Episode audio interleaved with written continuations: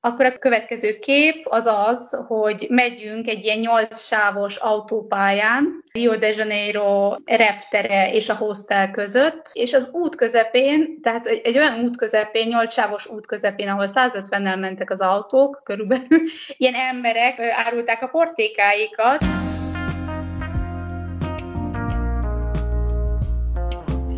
Te a Kalandvágyból külföldre podcastet hallgatod, én pedig Dóra vagyok a műsor házigazdája. Megrengetni a saját határainkat, kilépni a komfortzónából, ezt jelenti Karolina számára kaland, és amióta az egyetem éveiben egy Erasmusos belgiumi fél év alatt ezt megtapasztalta, függő lett, ahogy mondja. Tíz év alatt az ötödik országban él, most már férjével együtt hoz döntés, de nem kizárt, hogy Olaszországból odébálnak egy munkalehetőséggel jobban kecsegtető helyre. Hogy mi lesz ez az ország, kiderül a beszélgetésből. Ha tetszett az adás, nyomj egy lájkot, és hogy ne maradj le a következő részekről, iratkozz fel a csatornámra.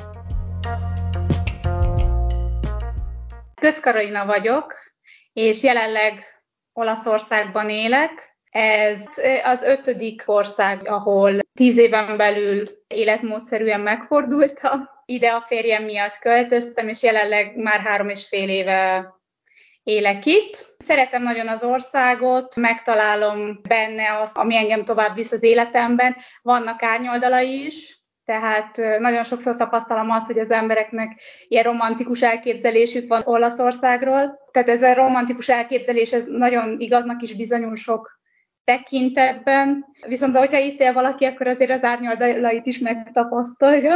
Említetted, hogy jelenleg Olaszországban élsz, és hogy előtte éltél már máshol is életvitelszerűen. Hol, melyek voltak ezek az országok? Belgiummal kezdtem, ahova Erasmusos diákként kerültem.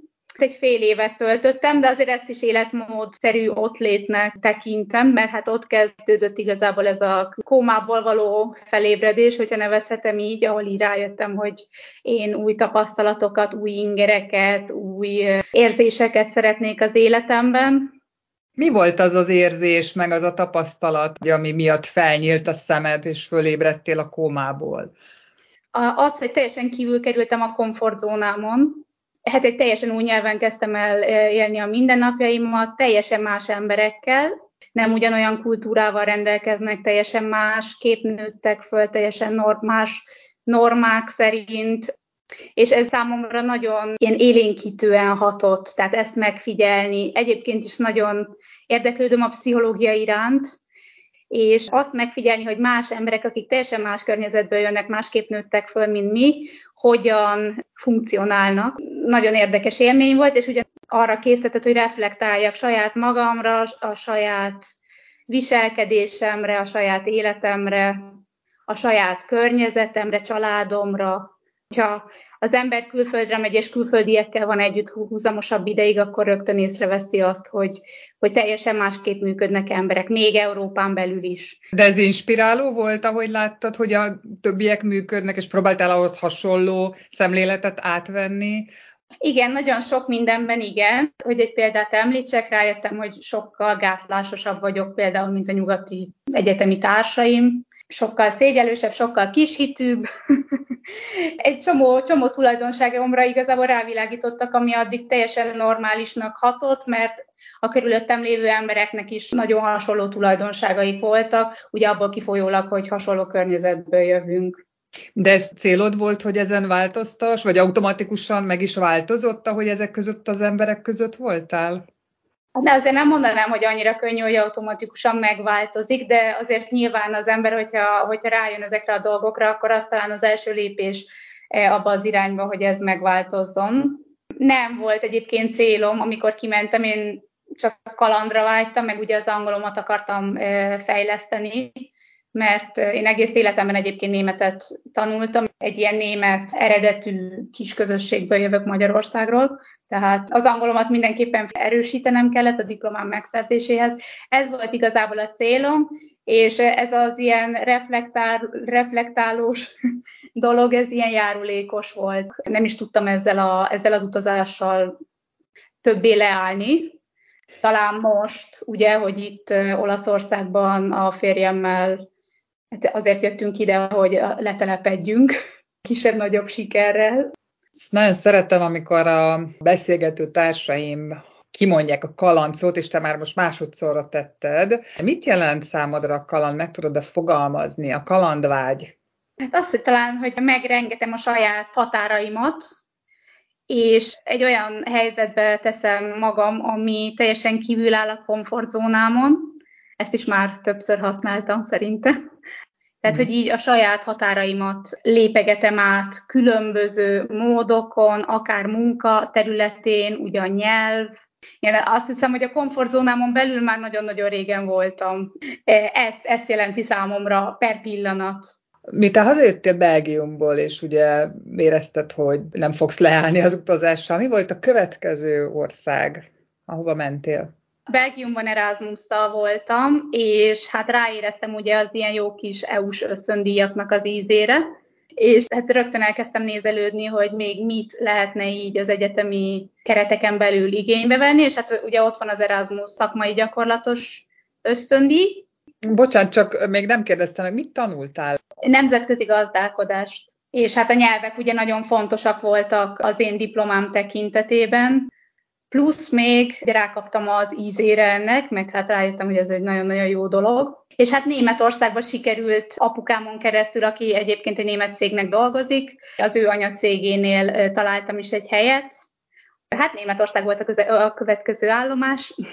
Nagyon-nagyon más tapasztalataim voltak, mert ugye az egy munkahely volt, és ott nem Erasmusos diákokkal voltam körbevéve, és nem ugyanarról szólt, tehát nem bulizásról feltétlenül, de nagyon-nagyon nagy kedvességgel fogadtak. És mennyi időt voltál ott? Hát összességében négy hónap volt a szakmai gyakorlatom, és utána hazajöttem befejezni a diplomámat, és utána én visszatértem, mert én közben megismerkedtem a volt barátommal, és visszamentem Németországba, hogy megpróbáljuk ott együtt, és még négy hónapot ott töltöttem aztán, tehát összességében voltam nyolc hónapot ott, csak hát sajnos ez a kapcsolat ez annyira nem működött, és annak ellenére, hogy nekem volt munkám, aztán úgy döntöttem, hogy én nem szeretnék, nem szeretnék így ott maradni, és hazaköltöztem másfél évre. Nem annyira találtam így a helyemet, túlságosan szürkének találtam, hiányoztak ezek, ezek az impressziók, komfortzóna elhagyás, függő lettem, és hát így jött Portugália, ami nekem egy nagyon-nagyon nagy álmom volt Portugáliában élni. Nem tudom, hogy mi vonzott Portugáliába, de már olyan 14 éves koromtól kezdve én nagyon szerettem volna ott élni, oda eljutni, és pont a belgiumi tartózkodásom alatt, a- akkor még nem annyira voltak fapados repülőjegyek, tehát 12 évvel ezelőttről beszélünk, viszont Belgiumból volt egy csomó már, és el tudtam menni egy-két barátomat meglátogatni Lisszabonba, és hát amikor megérkeztem és megláttam Lisszabont, akkor én így ott hagytam a szívemet, konkrétan első pillantásra, tehát mint egy nagyon-nagyon nagy szerelem első látásra. Tudod fogalmazni, mi volt, ami rabul ejtett? Ez nem egy olyan megfogalmazható dolog, ez szerintem egy olyan dolog, amikor valaki szerelembe esik első pillantásra, és így nem tudja megmagyarázni, hogy miért. Ez egy érzés, Rám nagyon nagy hatással vannak az ilyen elementáris dolgok, természet tekintetében az óceán, a nagyon nagy hegyek, a sivatag például, és ugye Portugáliában ott van az óceán a maga vadságával, gyönyörűségével, és a másik az, hogy akkoriban nem nagyon beszélt senki Portugáliáról. Ez így ott volt a periférián, nem nagyon ment senki Portugáliába, és én emlékszem, hogy nekünk volt egy ilyen nagy képes atlaszunk Európa különböző országairól, és én így abban így nézegettem Portugáliát, amikor 13-14 éves voltam, és valahogy egy ilyen érzés a hatalmába kerített, hogy nekem van valami dolgom ezzel az országgal, Ugye az én szüleim, azok mindig ilyen német irányba nyomtak engem, tehát ilyen jó sváb-magyar családból származom, és anyukám német tanár, apukám meg mindig német cégeknek dolgozott, mindenki beszél németül a családomban, és így mindig ilyen irányba voltam én így orientálva, de engem igazából teljesen más vonzott. Tehát Németországban úgy döntöttem, hogy én ott nem akartam maradni, és Portugáliába meg így nagyon vágyakoztam valahogy, vagyis hát miután voltam ezekben a germán országokban, így felerősödött bennem a délvidék iránti vonzalom. és hát találtam egy munka lehetőséget a barátnőmön keresztül Lisszabonban, egy multinacionális cégnél, ahol németül találtam egy munkalehetőséget, kiköltöztem. Egy nagyon-nagyon szép nyolc hónapot töltöttem ott először, aztán nem tudtam a fenekemen ülni, és kicsit elmentem Dél-Amerikába utazgatni, de előtte még elmentem Ausztriába megkeresni rá a pénzt, a braziliai úthoz, ami egy szintén csodálatos élménye az életemnek, és utána vissza tudtam térni Portugáliába, ahol még négy évet töltöttem. Ez alatt a négy év alatt találkoztam az olasz férjemmel, akivel meg eldöntöttük, hogy Olaszországban megpróbáljuk megvetni a lábunkat ezután a sok össze-vissza utazgatás után, mert nem csak nekem volt ennyire viharos ilyen tekintetben az életem, hanem az övé is, és ő vissza akart kicsit közeledni a családjához. És ő is ilyen nagy utazó volt? Hát talán ennyire durván nem, mint én, de azért ő is megjárt egy-két országot. A te szüleid, akit többször is már felemlegettél, ők szóltak ahhoz, hogy annak ellenére, hogy téged ebben német irányba orientálnak, te mégis a délvidék fele vonzódsz, és váratlan ott fogsz letelepedni. Hát most már talán hozzászoktak a gondolathoz, de apukám amúgy mindig mondja nekem, hogy ő mindig azt gondolta, hogy én ilyen német irányba fogok elindulni mert a családomban nagyon benne van ez a germán, ez a németes mentalitás, a pontosság, ez a biztonságkeresés. Mi nem tetszett neked? Tehát mondtad, hogy te tudtad már akkor, amikor Németországban volt, hogy ott nem szeretnél élni. Miért? Ez ilyen zsigeri dolog volt, tehát én azt mondom, hogy ilyen 24-25 évesen talán még nem voltam annyira tudatos a döntéseimben, egyszerűen csak úgy éreztem, hogy én nem szeretnék így ott maradni, egyedül, és hazavágytam. Annak ellenére, hogy volt állásom, mondjuk, ami, ami nem volt egy, egy életem legjobb állása, annak ellenére, hogy Németországban volt, de én valahogy azt éreztem, hogy így nem akarok ott maradni, egyedül főleg nem. Nem olyan régen, így a 30-as éveimre tudatosult bennem, hogy miért is vonzódom én ezekhez a délvidéki országokhoz, tehát be, pont említettem azt, hogy a, hogy a családom ilyen germán beállítottságú, mentalitású, ugye biztonságkeresés, kontroll, ezek sajnos ilyen elég kulcs szavak az én pszichémben is. És hát említettem, hogy voltam Dél-Amerikában utazni, ott volt egy ilyen nagyon érdekes élményem így a kontrollal kapcsolatban, meg hogy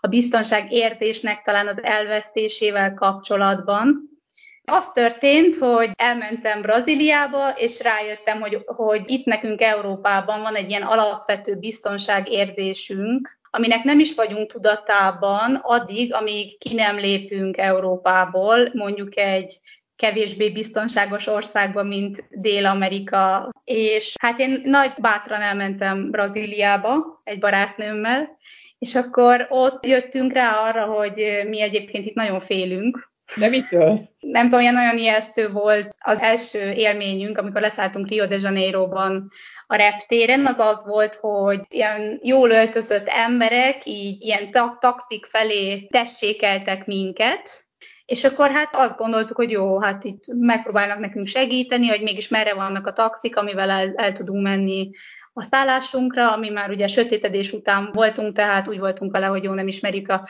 környéket, jobb taxival menni, mint busszal. Követtük őket, és hát utána így, így mondták, hogy de hát azért valamit azért szeretnének itt cserébe, és hát kérdezem, hogy mégis mit szeretnének, és akkor így mondták, hogy hát 20 reáist. Én meg voltam olyan hülye, hogy adtam is neki a szolgáltatásukért. De mert amúgy pénznek számított egyébként? Hát az ilyen 6 euró körülbelül. De hát most azért, hogy megmutatták nekünk, hogy hol van a, hol van a taxi, tehát ők ott álltak a gyanútlan, felkészületlen európai turistákra várva, akkor a következő kép az az, hogy megyünk egy ilyen nyolc sávos autópályán, Rio de Janeiro reptere és a hostel között, és az út közepén, tehát egy, egy olyan út közepén, nyolc sávos út közepén, ahol 150-nel mentek az autók körülbelül, ilyen emberek árulták a portékáikat középen, tehát Hát körülbelül öt napig tartott, amíg, amíg így nagyjából aklimatizálódtunk, addig körülbelül ötször körbenéztünk minden sarkon, hogy valaki követe minket,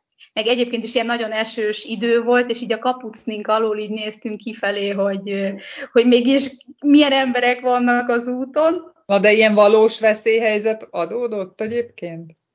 Nem, nem, hál' Istennek nem, nem volt valós veszélyhelyzet. Akkor a barátnőmet egyszer kirabolták, végül is 300 reáist elloptak tőle, ami körülbelül ilyen, hát ilyen 100 eurónak megfelelő pénz volt akkor, de hát az sem volt egy ilyen valós veszélyhelyzet, mert éjszaka történt a hostel szobánkból, tehát hogy így nem voltunk egyébként kitéve semmilyen veszélynek, lehettünk volna, de hát szerencsénk, és nem hát vettük hát, Az az igazi veszélyhelyzet, Jézusom.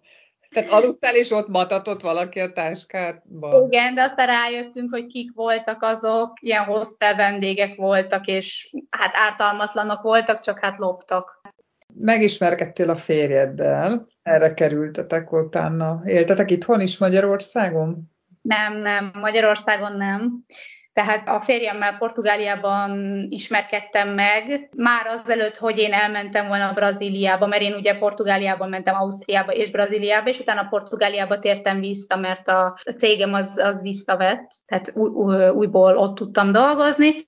Én már korábban ismertem őt, és hát ahogy visszatértem Brazíliából, az az utazás egy olyan nagyon jó hatással volt így rám, hogy így körülbelül rögtön bevonzottam őt az életembe. Tehát pont talán ezt korábban el akartam mondani, hogy ugye itt van a germán származású családom, aki ilyen eléggé kontrollmániás. Én Brazíliában nekem sikerült így a, a kontrollt azt így elengedni, és ezáltal ilyen nagyon jó dolgok bejöttek az életembe. Ahogy visszatértem Brazíliába, mi egy találkoztunk újra, így örültünk egymásnak, és akkor, és akkor így nagyon természetesen alakult ez a dolog így köztünk. Aztán együtt éltünk Portugáliában három évet. Ugye Portugália az én kedvenc országom volt, már azt ugye mondtam korábban is, 14 éves koromtól fogva nagyon odavágytam, de rájöttem, hogy hogyha egy helyen se nagy pénzügyi perspektívám, vagy karrier szempontjából perspektívám nincsen, se gyökereim, úgy nem nagyon fogok megmaradni párban. Tehát lehet, hogy így szingliként ott maradtam volna,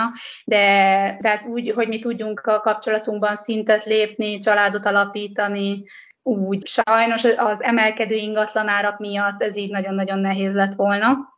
Körülbelül két év után jött be az a gondolat, hogy akkor most mi vagy hazaköltözünk Magyarországra, vagy elköltözünk Olaszországba, vagy közel az ő családjához, vagy közel az én családomhoz.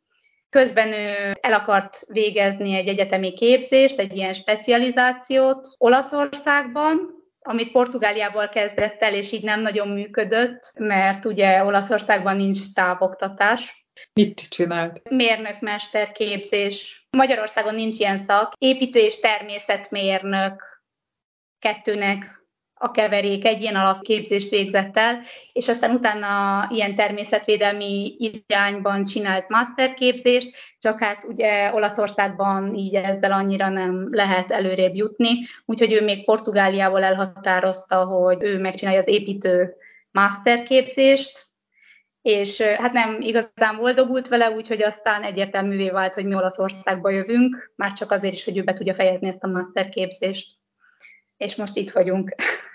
De hol egyébként pontosan? Pescara, az Rómával egy vonalban van, csak az Adria partján, tehát a Csizmának a keleti partján, pont a Csizma felénél. Akkor ez felmerült, hogy akkor költöztök vagy Magyarországra, vagy Olaszországba. Merre fele billent nálad a mérleg? Mind a kettő irányba.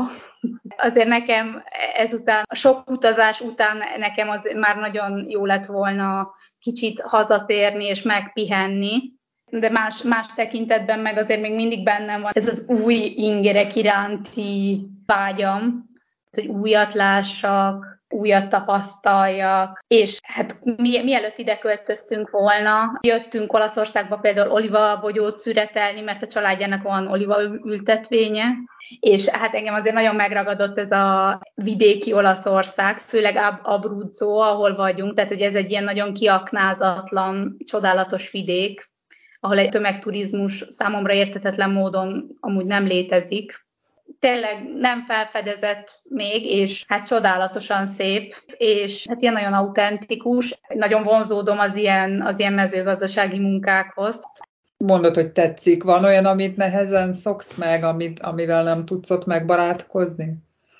Igen, van olyan dolog is, hát amire ugye akkor derült fény, amikor már, amikor már itt voltunk, Nekem ilyen nagyon romantikus elképzeléseim voltak, ugye csak az olivaföld, meg az ilyen jó kis mezőgazdasági dolgok. Még hogyha ilyen elképzeléseim is voltak, azért mi egy közeli városba jöttünk élni, és nem oda a kis faluba, ahol a, a férjem családja él mert hát nekem meg kellett tanulnom olaszul, és az egyetlen olasz nyelviskola az itt volt ebben a városban, ahova költöztünk, Peszkárában, és ugye a férjem is itt végzi az egyetemet, úgyhogy ide jöttünk ilyen praktikus, praktikus okokból. Nagy romantikus elképzeléssel a fejünkben, hogy akkor most ilyen mezőgazdasági munkákat fogunk végezni. Hát az lett a vége, hogy nagy bőszen elkezdtünk munkát keresni mind a ketten, a férjem is, meg én is, tehát ilyen hagyományos irodai munkát, végzettségünknek megfelelőt megpróbáltunk. Nagyon-nagyon kemény dió az olasz munka világa.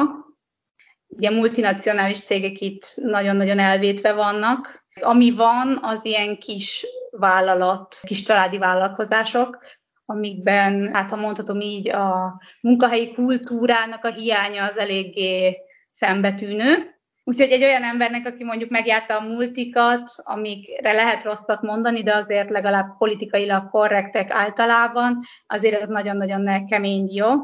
Végül találtál akkor munkát, jól értem? Igen. Igen, találtam. Tehát egy fél évig gyakornokként dolgoztam, és két évig meg egy cégnél, mint ilyen kereskedelmi, mint ilyen nemzetközi kereskedelmi munkatárs. Hát aztán két év után sajnos nem hosszabbították meg a szerződésemet, és most itthon vagyok, tehát most nem dolgozom per pillanat. Egyébként ami engem előre visz ebben az országban, az a német nyelvtudásom. Egyébként nagyon-nagyon nehéz munkát találni, tehát nekem egy éven betellett, de a mérnök férjemnek is nyolc hónapba, miután mi visszajöttünk ide Olaszországba, tehát azért egy nagyon-nagyon nehéz diói munka tekintetében egyről a kettőre jutni. De még így is szerencsések voltunk, mind a kettőnknek van olyan skillje, ami itt annyira nem megszokott, hogy az embereknek van, és hát ez az, ami előre visz minket. Hát én most jelenleg itthon vagyok, mert ugye a szerződésem körülbelül másfél hónapja járt le, és hát majd meglátjuk, hogy hogy fog alakulni. Akkor keresel tovább, vagy? Az az igazság, hogy most kisbabát várok, tehát most nem nagyon van esélyem új munkát találni. Hát az élet így rákényszerít, hogy a fenekemen kell maradnom. De hát jó az így, én azt mondom. Sokkal jobb, mint hogyha mondjuk stresszel nem kellett volna egy ilyen elég stresszes munkahelyen, aztán utána meg majd lesz valahogy az nem merült fel, vagy vér vetettétek el, hogy Magyarországon próbáljatok szerencsét. Talán itt egyszerűbb lenne munkát találni, nem? Hát az biztos, hogy egyszerűbb lenne munkát találni, hát főleg az egyetem miatt, hogy ő be tudja fejezni, főleg azért.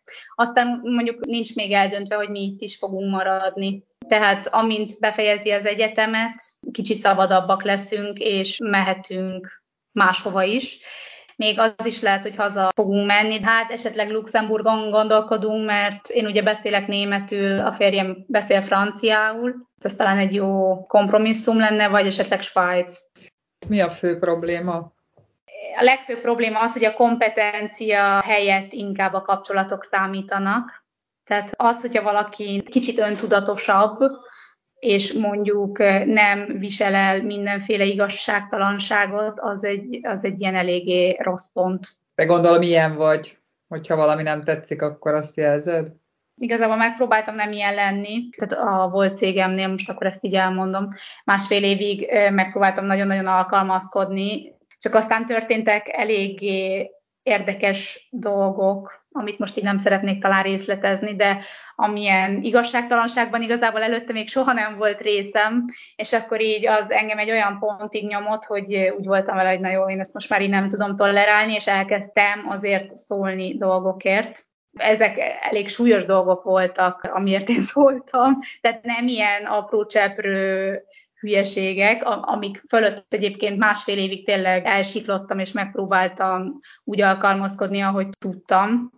Hát meg ugye ezekben a családi vállalkozásokban az egész családot dolgozik, plusz még a baráti társaságnak a fele, és azért nagy különbség van a között, ahogy kezelik az embert, hogyha mondjuk semmiféle rokoni, meg baráti kapcsolat nem fűzi őket, és egyébként meg a, a, a többi munkavállalóhoz meg igen, tehát na, nekem ezt így feldolgozni, ez Egyébként még vissza akartam térni arra, hogy ez a lakáskiadás, meg az, hogy valamit, valamit én kitalálok itt saját magamnak, ez is nagyon benne van a gondolataimban, meg a pakliban. Tehát most ez az idő, ez nagyon jó arra, hogy átgondoljam, hogy hogy is szeretnék tovább menni az életemben.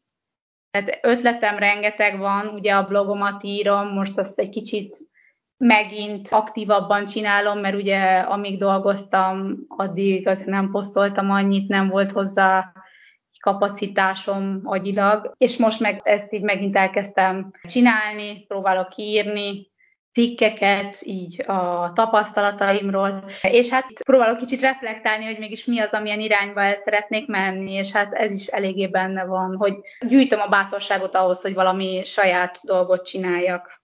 Hogy látod magad mondjuk öt év múlva? Hát, hogyha nagyon őszinte vagyok, akkor pont így, hogy valami saját dologba kezdek, és független vagyok, és egyébként úgy látom, hogy itt vagyunk.